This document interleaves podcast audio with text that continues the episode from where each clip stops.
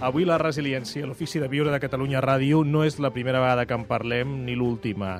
I val la pena anar recordant què és la resiliència eh, i, per tant, jo li demanaria a l'Anna Foré si pot fer aquest esforç de síntesi també per recordar la definició clàssica de resiliència i, a partir d'aquí, què podem fer? Doncs eh, és una capacitat, i per tant això la podem aprendre, eh?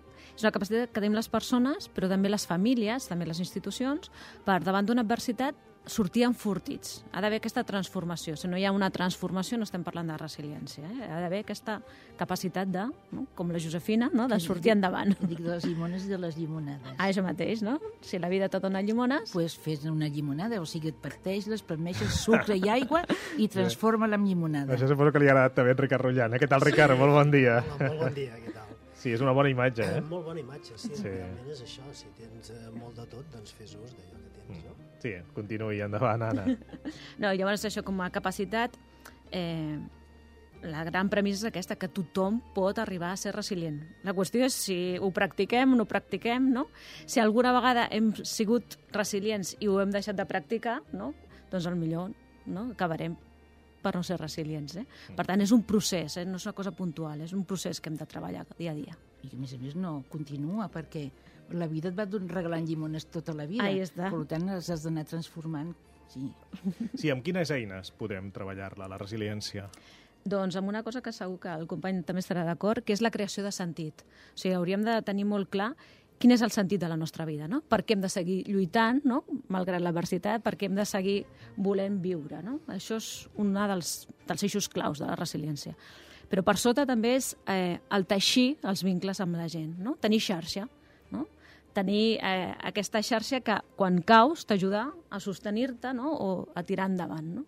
Llavors, ser, ser conscient de fer aquests camps base que deies el Boris Tirònic, no? tenir aquests, no? amb una pujada a una muntanya, no? com, com gran escalador que és, doncs quins són aquests camps base que ens ajuden a arribar a la fita. No?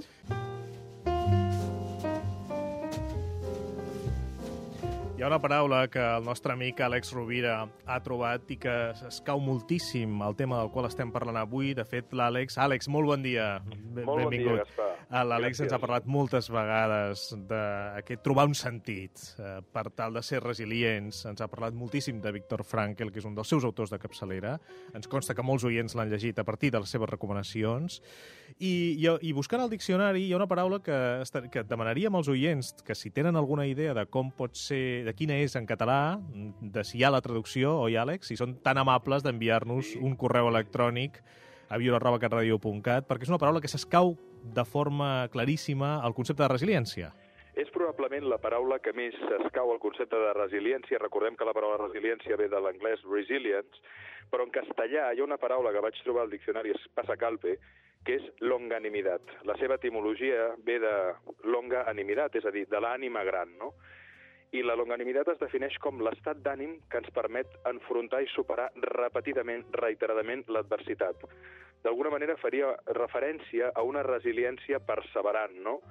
A una resiliència que es manté en el llarg termini, no? a la capacitat d'enfrontar moltes dificultats, de caure's, però de tornar-nos a aixecar i tirar endavant. El que passa que, malauradament, no he sabut trobar la traducció en català, i seria molt bo, com tu deies, Gaspar, doncs que si alguna amiga o amic oient ens està escoltant ens ajudi a trobar un concepte en la nostra llengua en el qual poder-nos referir a la resiliència sí. sense tenir que anar tan, tan lligats a, l'idioma anglès. No? perquè l'Anna perquè l'Anna Forés, com a experta en resiliència, eh, treballa amb algun concepte semblant? Ben, amb la paraula està clar que no, no? Però amb algun estat d'ànim que ens ajudi. Sí, o, o amb una frase, no? Per exemple, ferit però no vençut. Eh? Frase del Van Stendhal, no? O sigui, la resiliència parteix de ferit, o sigui, haig d'admetre que tinc una ferida, però no estic vençut. Amb aquesta ferida, jo què faig? Tots tiro endavant, no? Morihei Ueshiba, que era el, el creador de l'Aikido, tenia una frase molt maca, no? que deia caure's està permès, però aixecar-se és obligatori. Um, probablement aquesta actitud no? d'aprendre a caure, evitant al màxim el dolor i de tornar-nos a aixecar per seguir caminant, és la metàfora visual que ens ajuda més a entendre el, el concepte de resiliència. El que és interessant també, Gaspar, Anna, és que uh, l'oposat al terme de la longanimitat del diccionari que dèiem abans és la misèria. És molt interessant.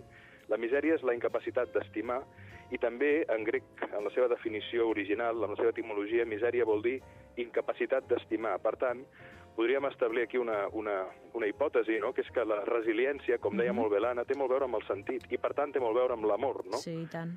Per això deia Víctor Frankl, per què vos no suïcida vostè, no? Doncs miri, perquè jo estimo algú o estimo Mm. alguna cosa. Per tant, som resilients quan estimem la vida i quan l'estimem a través d'algú o d'alguna causa que dona sentit en aquesta. En si tots, tots els elements i tots els factors que eh, afavoreixen i promouen la resiliència estan promovent la felicitat. Eh? I un dels elements claus és l'amor. Eh? L'amor a un mateix i un amor als altres, el que fa possible els vincles, no? el que fa possible aquest teixit no? per tirar endavant. Efectivament, mira, fa, fa tres setmanes abans que es fa parlàvem en el, en el bloc de notes de- d'una possible definició de la felicitat que trobàvem amb, amb el llibre d'un d'un eh, filòsof alemany que deia que fonamentalment la felicitat passa per trobar un sentit a la vida, no? I que cada cop si aprofundeixes no, en, en la reflexió d'aquestes qüestions te n'adones que realment um, la felicitat no passa per negar el dolor, ans al contrari, no? La Clar. felicitat passa per acceptar el dolor, conviure amb ell i poder tirar endavant perquè som capaços des de la senzillesa, des de la humilitat, des de la humanitat, de trobar un sentit a això que estem vivint, no? per difícil que sigui. Àlex Rovira, moltíssimes gràcies per la teva aportació per aquest bloc de notes. Eh, que tinguis molt bona setmana. Ens sentim la setmana que ve. Una forta abraçada. Una forta abraçada. Gràcies, Espa.